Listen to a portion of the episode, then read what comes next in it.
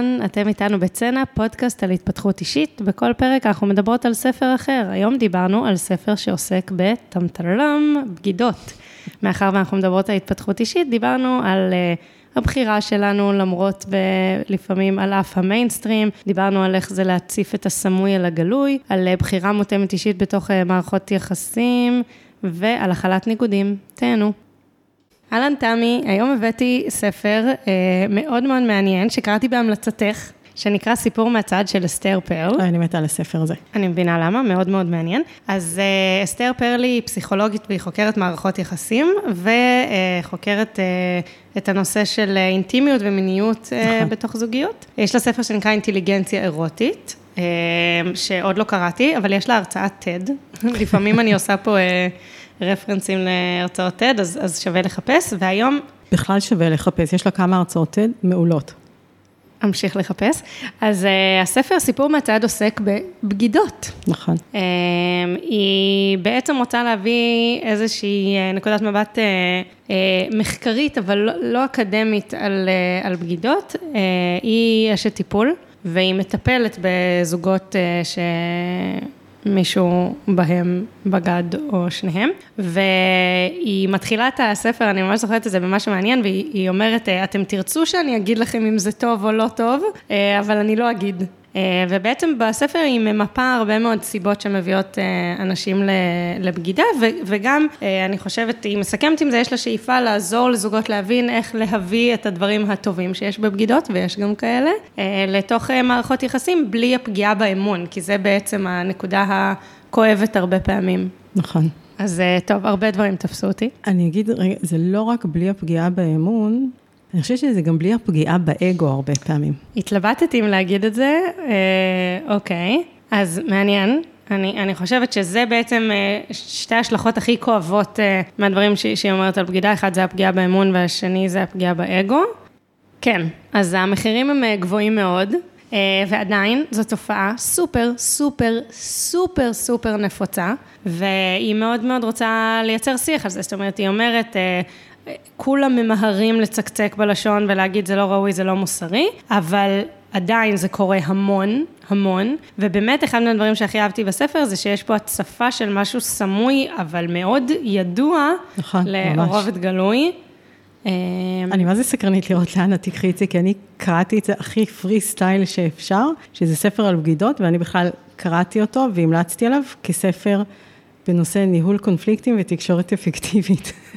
מעניין. תראי, כמובן שהמשקפיים שלי זה התפתחות אישית, אה, והיה לא חסר שם אה, מטעמים אה, לדבר עליהם בהקשר הזה. אז קודם כל, באמת הסיפור של הצפת הסמוי לגלוי, אגב, אני חושבת שבמובנים מסוימים, כל מה שאנחנו עושות כל הזמן פה בפודקאסט הוא זה, במובן של לאו דווקא דברים ש, שלא מדברים עליהם, כאילו כמו טאבו כזה, אבל כן דברים ש...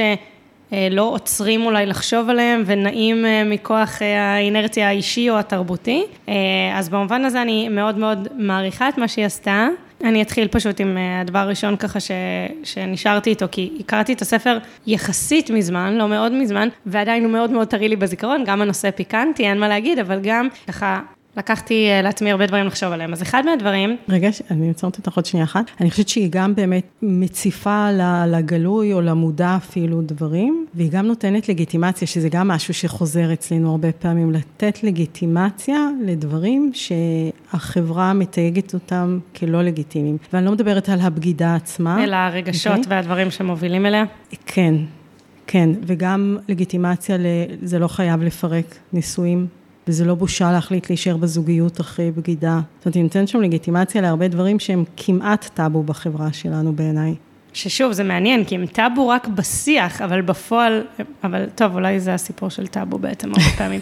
אז אחד מהדברים שלא, עכשיו פתאום החיבור נראה לי נורא טבעי, אבל לא חשבתי על זה, זה הקשר בין בגידה לאיזשהו משבר אישי, שעובר אה, אחד אה, מבני בנות הזוג. שוב, אני אומרת את זה כאן, וזה כבר כל כך נטמע, מה, נטמע בי הרעיון הזה, וכשקראתי את זה, זה היה לי ממש, וואו, יש דברים שמובילים לקשיים בתוך מערכות יחסים, שהם בכלל לא קשורים למערכת היחסים, שזה מן הסתם לא חדש לנו, כן? היה לי יום קשה בעבודה, אני מוציאה את זה על נדב, אבל, אבל פה יש משהו, אה, אה, אפילו שמשהו בבגידה, הוא נותן מענה על איזשהו צורך שהתעורר בעקבות המשבר. אני חושבת, אגב, אני לא זוכרת כמה היא מתייחסת לנושא המגדרי שם, אבל אני חושבת ש, שסביב, ה... בדיוק אתמול חברה אמרה לי ש, אה, שיש שלב שנשים או מחליפות בעל או מחליפות עבודה, וזה מתחבר לי לאיזשהו משהו שאני ככה הרבה חושבת עליו, על המשבר גיל ה-40 הזה, ההתעוררות נגיד שיש לנשים, שאומרים שלגברים יש בגיל 50 שפתאום מהפחד מזקנה, ושנשים פתאום נופל להם האסימון שחיים פעם אחת, וכאילו, אוקיי, ומה עכשיו? האם אני כבר בנקודה שציפיתי להיות בה? האם אני אה, מצליחה במקום העבודה שלי? ולהבדיל, האם אני נחשקת בתוך מערכת היחסים הזוגית שלי, או האם אני שווה? או כל מיני דברים שמתחברים. אגב, עוד סיבה שזה כל כך עניין אותי, זה בגלל ההבנה שאנחנו אה, זכינו לה, שאנחנו יצור הוליסטי, והמערכות יחסים והמיניות שלנו, הן לא נפרדות מהתפיסה שלנו, אה, את המקום העבודה שלנו, את ההורות שלנו, אה, כסף, את האימפקט החברתי שלנו, את איפה אנחנו גרות וכן הלאה. אז, אז החיבור הזה, על אף שהוא כאילו הייתי אמורה להבין אותו, לא הבנתי אותו, זה ממש עניין אותי. זה, זה חיבור ממש מעניין, וזה כאילו, ה, גם המשבר שאת מדברת עליו סביב גיל 40, אני חושבת שזה במידה מסוימת מין איזשהו מקום שפתאום אנחנו שואל, שואלים את עצמנו, האם זה מה שרציתי, האם זה היה בבחירה, או שמין כזה נענו באיזשהו מסלול שאיכשהו נבנה לנו והיה נראה לנו בסדר. אנחנו לא מאשימות אף אחד.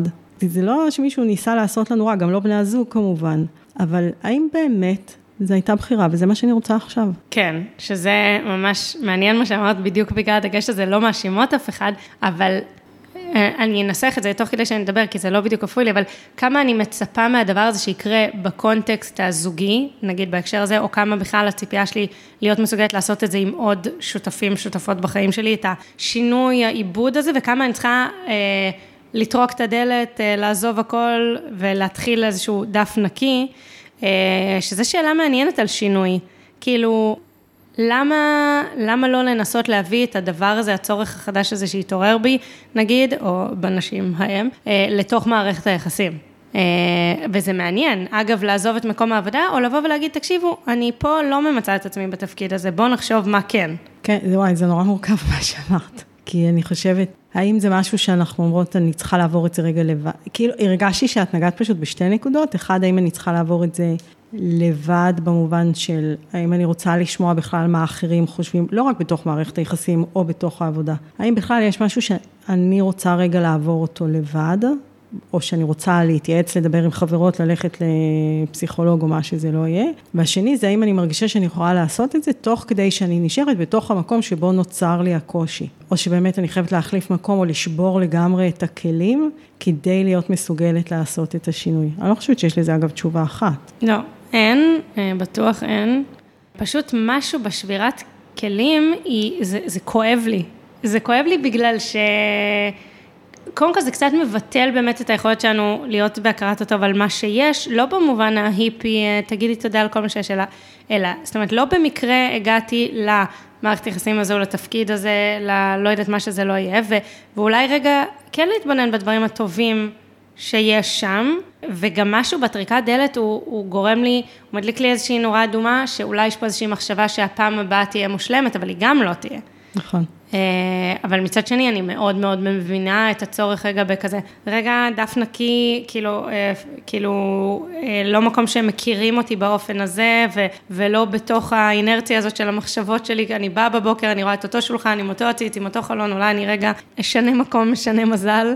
או באמת, אפרופו הרגלים ושגרה, יש משהו שאם אני לא עושה חיתוך נורא חד, לי קשה בתוך השגרה וההרגלים להצליח לייצר את השינוי. בגלל זה הרבה יותר קל לי לעזוב מקום עבודה, להגיע למקום שלא מכירים אותי, אני עוד לא מתויגת, אין לי דפוסים, אין לי שגרות, אבל מעבר לזה שזה לא לראות את הטוב אולי, יש בזה משהו עצוב, כי זה כאילו, אני לא מאמינה שמערכת היחסים שלנו תוכל להכיל את זה. או שבאת... סלש מקום העבודה, סלש נכון. החברות, סלש אה, מה שזה לא יהיה, הפרויקט שבניתי עד עכשיו. נכון. אה, עכשיו, אני אומרת, יש מקומות שהם בהגדרתם יותר מצומצמים, כאילו החיבור הוא יותר מצומצם בהגדרתו. יש מקומות שדווקא שם היינו רוצים שבני זוג, משפחה, חברים, אה, שותפים לתחביבים שלנו, אפילו מורים שלנו, יוכלו להכיל דווקא את המרחב והמנעד הזה. אבל זה מתחבר כבר גם לא להאשים, והפגיעה באגו של האחר. והיכולת שלנו, שזה אחד הדברים שאותי הכי תפס בספר, זה היכולת שלנו להביא את זה בצורה שהצד השני מסוגל להיות שם איתנו. כאילו, אני נניח אחד הקטעים שאני הכי זוכרת בספר, זה שהיא מדברת על המפגש הראשון שזוג מגיע אליה אחרי בגידה, והיא אומרת, המפגש הראשון, אין לו כמעט מגבלת זמן, הוא יכול לקחת שעות, והשלב הראשון זה רק לתת מקום לכאב של הנבגד. ומה שאהבתי, היא אומרת, זה לא קשור, יכול להיות שבסוף אנחנו נגלה שהיו סיבות טובות לבגידה, וזה משהו שהיה צריך לקרות, וזה משהו שהבן או בת הזוג היו צריכים לעצמם לעבור, והכל נכון. זה עוד לא אומר שהבוגד או הבוגדת הם אה, שטן. אבל שנייה צריך לתת מקום לכאב, ואני אומרת, אם רגע ניקח את זה, לא, בגלל זה אמרתי שאני עשיתי לזה פרי סטייל לגמרי בקריאה, לא רק לבגידות, היכולת שלנו להבין שאנחנו רוצים להביא משהו שהוא יכאב לצד השני, קשור אליו, ולא להיות במקום שמאשים, ולהיות מסוגלת לטרוח, כי אני חושבת שהרבה פעמים כשהשינוי קשה לנו, אז אנחנו מין מניפות דגל של שינוי. ואז מאוד קשה לנו כרגע להיות עסקות בלהתחשב במישהו אחר שזה משפיע עליו. ופה היא כאילו אומרת, צריך לעשות את זה. כדי שהצד השני יוכל להמשיך להיות איתנו, אין ברירה, אנחנו חייבות להכיל אותו. זה בעיניי יפהפה פשוט. זה באמת מהמם, זה מצריך, בא לי להגיד בגרות, אני לא יודעת, כאילו, אה, מה שעלה לי בראש זה ש... זה שהרבה פעמים כשאני לא מצליחה לעשות את הדבר הזה, אה, שנגיד אני, אה, לא יודעת, נפגעתי מחברה, או שאני מרגישה שהיא כרגע לא מקדמת אותי למקומות שאני רוצה להיות בהם, אז הרבה פעמים אולי באמת יהיה לי קודם כל יותר קל פשוט להגיד, אוקיי, אני לא אדבר איתה עכשיו חודשיים. אה, זה גם כזה משדר בקונטקסט הזה שאני לא מצפה שהיא תוכל בכלל להיות שם עבורי, אה, אבל בעיקר אני חושבת, אם אנחנו מדברות על המבט פנימה, שאוקיי, זה אמור לשקף לי משהו, אם אני לא מסוגלת כרגע, מה, לשמוע ביקורת, או לשמוע רעיונות אלטרנטיביים למיזמים שאני רוצה להקים, או לא יודעת מה, אז איפה אני שם, כאילו כמה קל זה להגיד, לא, היא תכבה אותי, אני לא אדבר איתה על הרעיונות האלה, לעומת היכולת אה, לזהות למה אני זקוקה כרגע, להיות מסוגלת להגיד את זה, וגם לקחת בחשבון שאולי הצד השני לא ידע לתת לי את הדבר שאני זקוקה לו כרגע, וגם אז לא לשבור את הכלים, אלא נגיד, אולי באמת להגיד,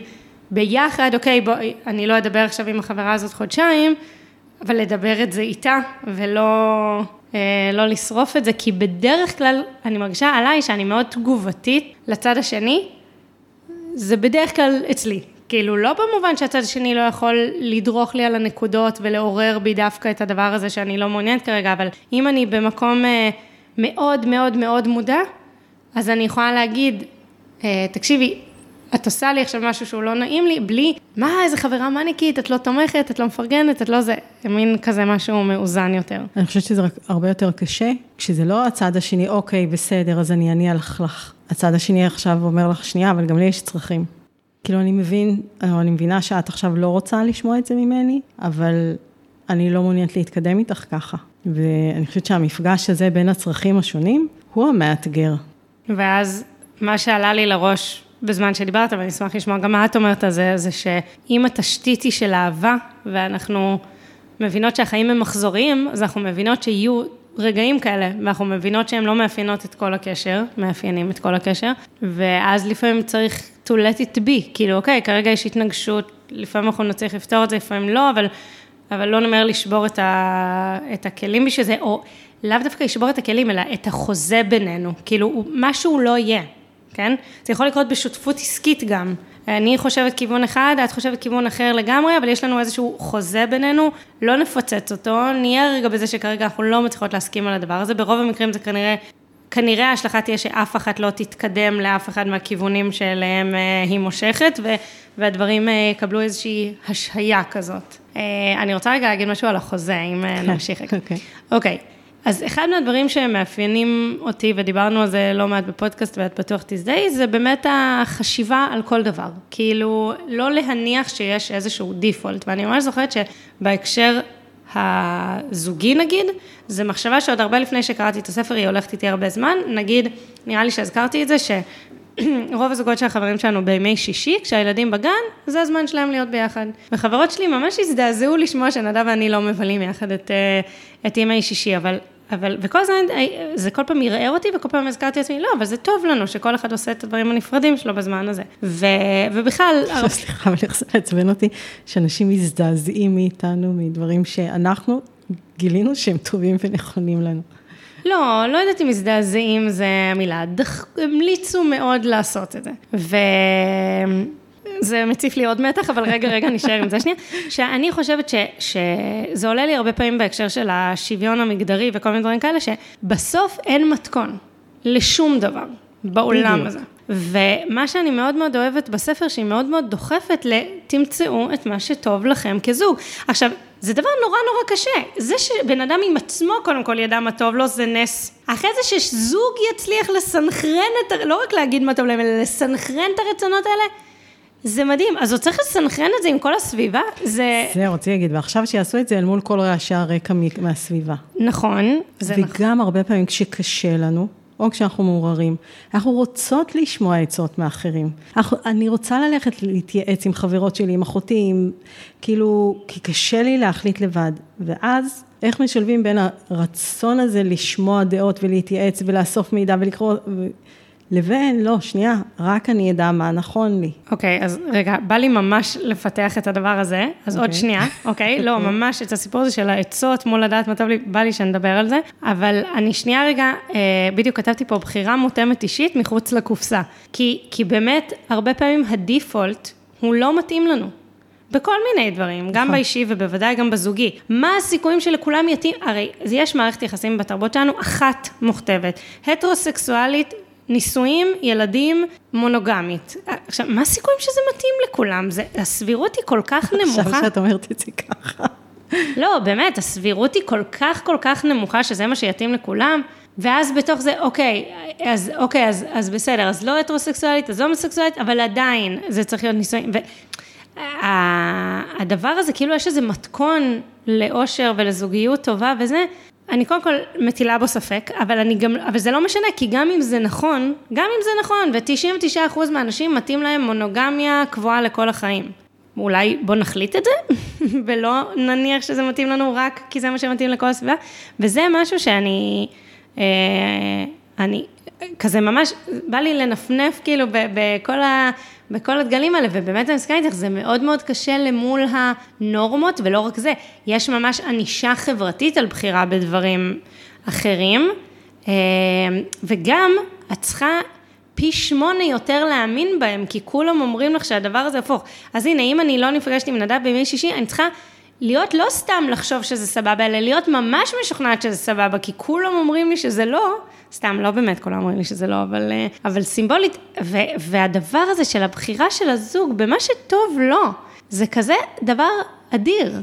ובעיקר זה קשה אם היציאה שלנו מהכלל מאיימת על הכלל, ואז זה גם לא רק שהם כאילו חושבים שהם יודעים מה טוב לי, הם נאבקים על זה, כי הבחירה שלי לצאת מהכלל מערערת אותם. אנחנו נדבר על זה בספר הבא. אה, אוקיי. אמ, אבל אה, אני מסכימה מאוד, וזה מזכיר לי עוד דבר, שהרבה פעמים כשאנשים עושים בחירות אישיות שהן לא בקונצנזוס, אז לסביבה, הסביבה משליכה על זה, אה, כאילו זה לא מוסרי. זאת אומרת, עושה על זה איזושהי השלכה, כאילו יש מוסרי ולא מוסרי, אבל המוסרי והלא מוסרי היחיד שיש בבגידות לדעתי, זה הפרה של החוזה בין בני הזוג. מעבר לזה, זה לא, אפשר לקרוא לזה בגידה, כן? יש אנשים שמנהלים טריליון סוגים של מערכות יחסים, יש אנשים במערכות יחסים פתוחות, יש, זה לא נקרא בגידה. נכון. זאת אומרת, עצם קיום יחסי מין, נגיד, עם עוד בן אדם שהוא לא הפרטנר הקבוע, שלא אה, לא יודעת, בחרת להתחתן איתו, אז זה לא, אין בזה שום דבר לא מוסרי לכשעצמו. הפגיעה בחוזה היא הדבר הלא מוסרי. כן. אני, אני מהססת כי זה נכון, זה הפגיעה בחוזה, אבל החוזה הוא, הוא מגלם בתוכו המוני הבטחות. אוקיי, okay, תסבירי. זאת אומרת, אה, גם לצורך העניין, אם, אם אה, אני נבגדת, אוקיי? אז גם יש פה שקר, כי בן, בן או בת הזוג שלי לא מספרים לי מה שהם עושים, אוקיי? אז יש שקר. גם, אני מדברת על זה שאנשים שואלים את עצמם, מה בכלל אז הייתה מערכת נכון. היחסים, ומה מהות החתונה, האם נכון. הכל היה בכלל. אז זה עוד איזושהי הבטחה של אתה מערער איזושהי אה, תחושה של אני מבינה את המציאות, יש לי יכולת לקרוא את המציאות. לגמרי. מה פה בכלל היה אמיתי. יש פה אה, פגיעה באגו, כאילו, לכן אומרת, זה מגלם הרבה הבטחות והרבה פגיעות. זה לא נכון. כמו חוזה עסקי. נכון. וזה הופך את זה למאוד מורכב. זה, בגלל זה גודל הפגיעה הוא, אבל רגע, לא, המשכת פשוט את, את זה ש, שדיברתי על הסיפור המוסרי, אבל בוא נגיד כל ה... אני אדייק את עצמי אז, כל הסיפור המוסרי הוא בין בני בנות הזוג. נכון. הוא לא, אלא אם זה, את יודעת, מערבת את תעשיית המין שהיא לא מוסרית אה, בפני אה, עצמה, אבל אוקיי. אה, מין בהסכמה בין אה, מבוגרים, אין בו שום דבר לא מוסרי, אלא אם הוא נעשה בפגיעה במישהו אחר. אה, והסיפור של האגו זה מעניין, אבל אני, אה, בכל זאת, אנחנו במדיה אה, ציבורית יחסית, לא, זה מעניין, כאילו יש לי הרבה מחשבות גם על הכיוון הזה, אבל אני בפרטי, אם מישהו רוצה לדבר איתי על הנושא הזה, זה בכיף. עוד דבר שמאוד מאוד מעניין בעיניי, היא סוגרת את הספר עם איך, עם השאלה של איך אנחנו יכולים להכניס מהריגוש שבאסור, שבבגידה, עם היציבות והביטחון של מערכת יחסים קבועה, זה גם ההרצאת TED שלה שאני מכירה ששלחת לי על אינטליגנציה אירוטית, היא נוגעת בזה שהציפיות שלנו בתוך מערכת יחסים אה, הן מאוד מאוד מאוד גדולות מבן בת הזוג, גם לספק את הריגוש, גם לספק את הביטחון, גם לגדל את הילדים, גם פרטנריות וחברות והמון המון ציפיות. ו... ואני חושבת שאחד הדברים ש... שככה תפסו אותי בהקשר הזה, זה היכולת אה, לחיות בשלום, שלא לומר ליהנות מניגודים. אה, כאילו, אחד מהדברים שתפסו אותי, שהיא אומרת שם בספר, זה שהיא פוגשת אה, בעיקר גברים, אבל לא רק, שמתקשים לראות בבת הזוג שלהם גם אימא וגם אה, מישהי מינית. כאילו, זה כאילו מלכלך להם את הדמות הזאת, או מוריד להם את המשיכה מהדמות הזאת, ו- וזה לא עובד להם. אז זה נגיד דוגמה אחת לניגוד שיכול להיות, אבל עוד ניגוד זה באמת הצורך שלנו בביטחון, יציבות, בלבוא הביתה מסריחה ועייפה ועצבנית ועדיין למצוא פה ביטחון, לבין אה, צורך להיות אה, מושכת ומינית ו- וכן הלאה, ו- אה, וגם הצורך להיתפס ככזו או ככזו, וזה דבר ש... זאת אומרת, הוא קיים בעיניי במציאות, בין אם, אם נישיר אליו מבט או לא, ניגודים הם כן. קיימים, ו... והיכולת להצליח לחיות איתם בשלום, או שוב, אפילו למנף אותם במובנים מסוימים, אה, היא, היא אדירה בעיניי לחיים שלנו, כאילו אגב פלפל וסקרנות. היא אדירה, אני מודה שאני נשארתי עם השאלה עד כמה זה אפשרי. כי למשל, את נתת אה, ניגודים אה, בזוגיות, אבל אני אומרת, אפילו הרבה פעמים אנשים בזוגיות קבועה, מה שהם מחפשים זה את השלווה שיש בידיעה שבן הזוג הזה הוא שם והוא יציב, ו, ומצד שני הם רוצים את הריגוש מולו. והשאלה אם באמת אותה מערכת יחסים יכולה לספק לנו גם את השלווה וגם את הריגוש, כי בסוף לא משנה, את יודעת, מה נעשה, חלק מהמשמעות של מערכת יחסים כזו זה כן, אני פה, לא משנה מה, אני אהיה פה. ואז עד כמה באמת אפשר לייצר את הריגוש באותה רמה, כמו נניח סיפור מהצד. אז זה, שוב, ספציפית אין לי משהו להגיד על זה נקודתית יותר מדי חכם, אבל, אבל כן נגיד, אני חושבת באופן כללי, שאני חיה בתוך רוב מערכות היחסים בחיים שלי, עם דואליות שבין אה, אוהבים אותי ואני רצויה פה ויהיו פה בשבילי, לבין אין לי מושג, אני צריכה לעבוד על זה, אני צריכה, אם אני אעשה עכשיו דברים מאוד לא יפים, אז, אז, אז זה לא יהיה, וכאילו, אני מרגישה שאני מתהלכת בעולם בתחושת ביטחון, ובאותה מידה ידיעה שהכל ארעי וגם תלוי בי, כאילו... לא, אני חושבת שדואליות מסוימת תמיד יש, אני חושבת שגם בזוגיות מאוד מאוד גבוהה, בין אם זה החברה הכי טובה שלי מגיל 6, ובין אם זה, יש משהו של, זה מה שאומרים, לא לקחת כמובן מאליו. כן. כאילו, לסמוך נכון. על זה, אבל לא לקחת כמובן מאליו. אבל אני אומרת, יש דברים שאני לא יודעת אם אפשר להכיל אותם, ו, וכאילו השאלה שלי זה האם אנחנו אמורים לנסות להכיל אותם באותו מרחב, או הפוך, לדעת לשחרר. ושוב, רגע, אני מתרחקת עכשיו מה... לא, לא, אני... הרשמי של הספר. כן. ואני אומרת, למשל, הדור שלי מאוד גדל על זה, שבזוגיות, אז הכל אנחנו אמורים לעשות ביחד. וחלק ממה שהדורות היותר חדשים מביאים לזוגיות, זה לא, אני יכולה לצאת לטרק עם, לא עם הבן זוג שלי, אם הוא לא אוהב את זה, והוא ילך לרקודי העם לא איתי, אם זה מה שהוא אוהב ואני לא. וכאילו דווקא חלק ממה שיחזק את הזוגיות, זה לאפשר את היציאות האלה, עם המרחבים הנפרדים, עם ההגשמות העצמיות, בלי לשים את כל סל הציפיות. אז מה שאני רואה בניגודים האלה זה כמו חידה.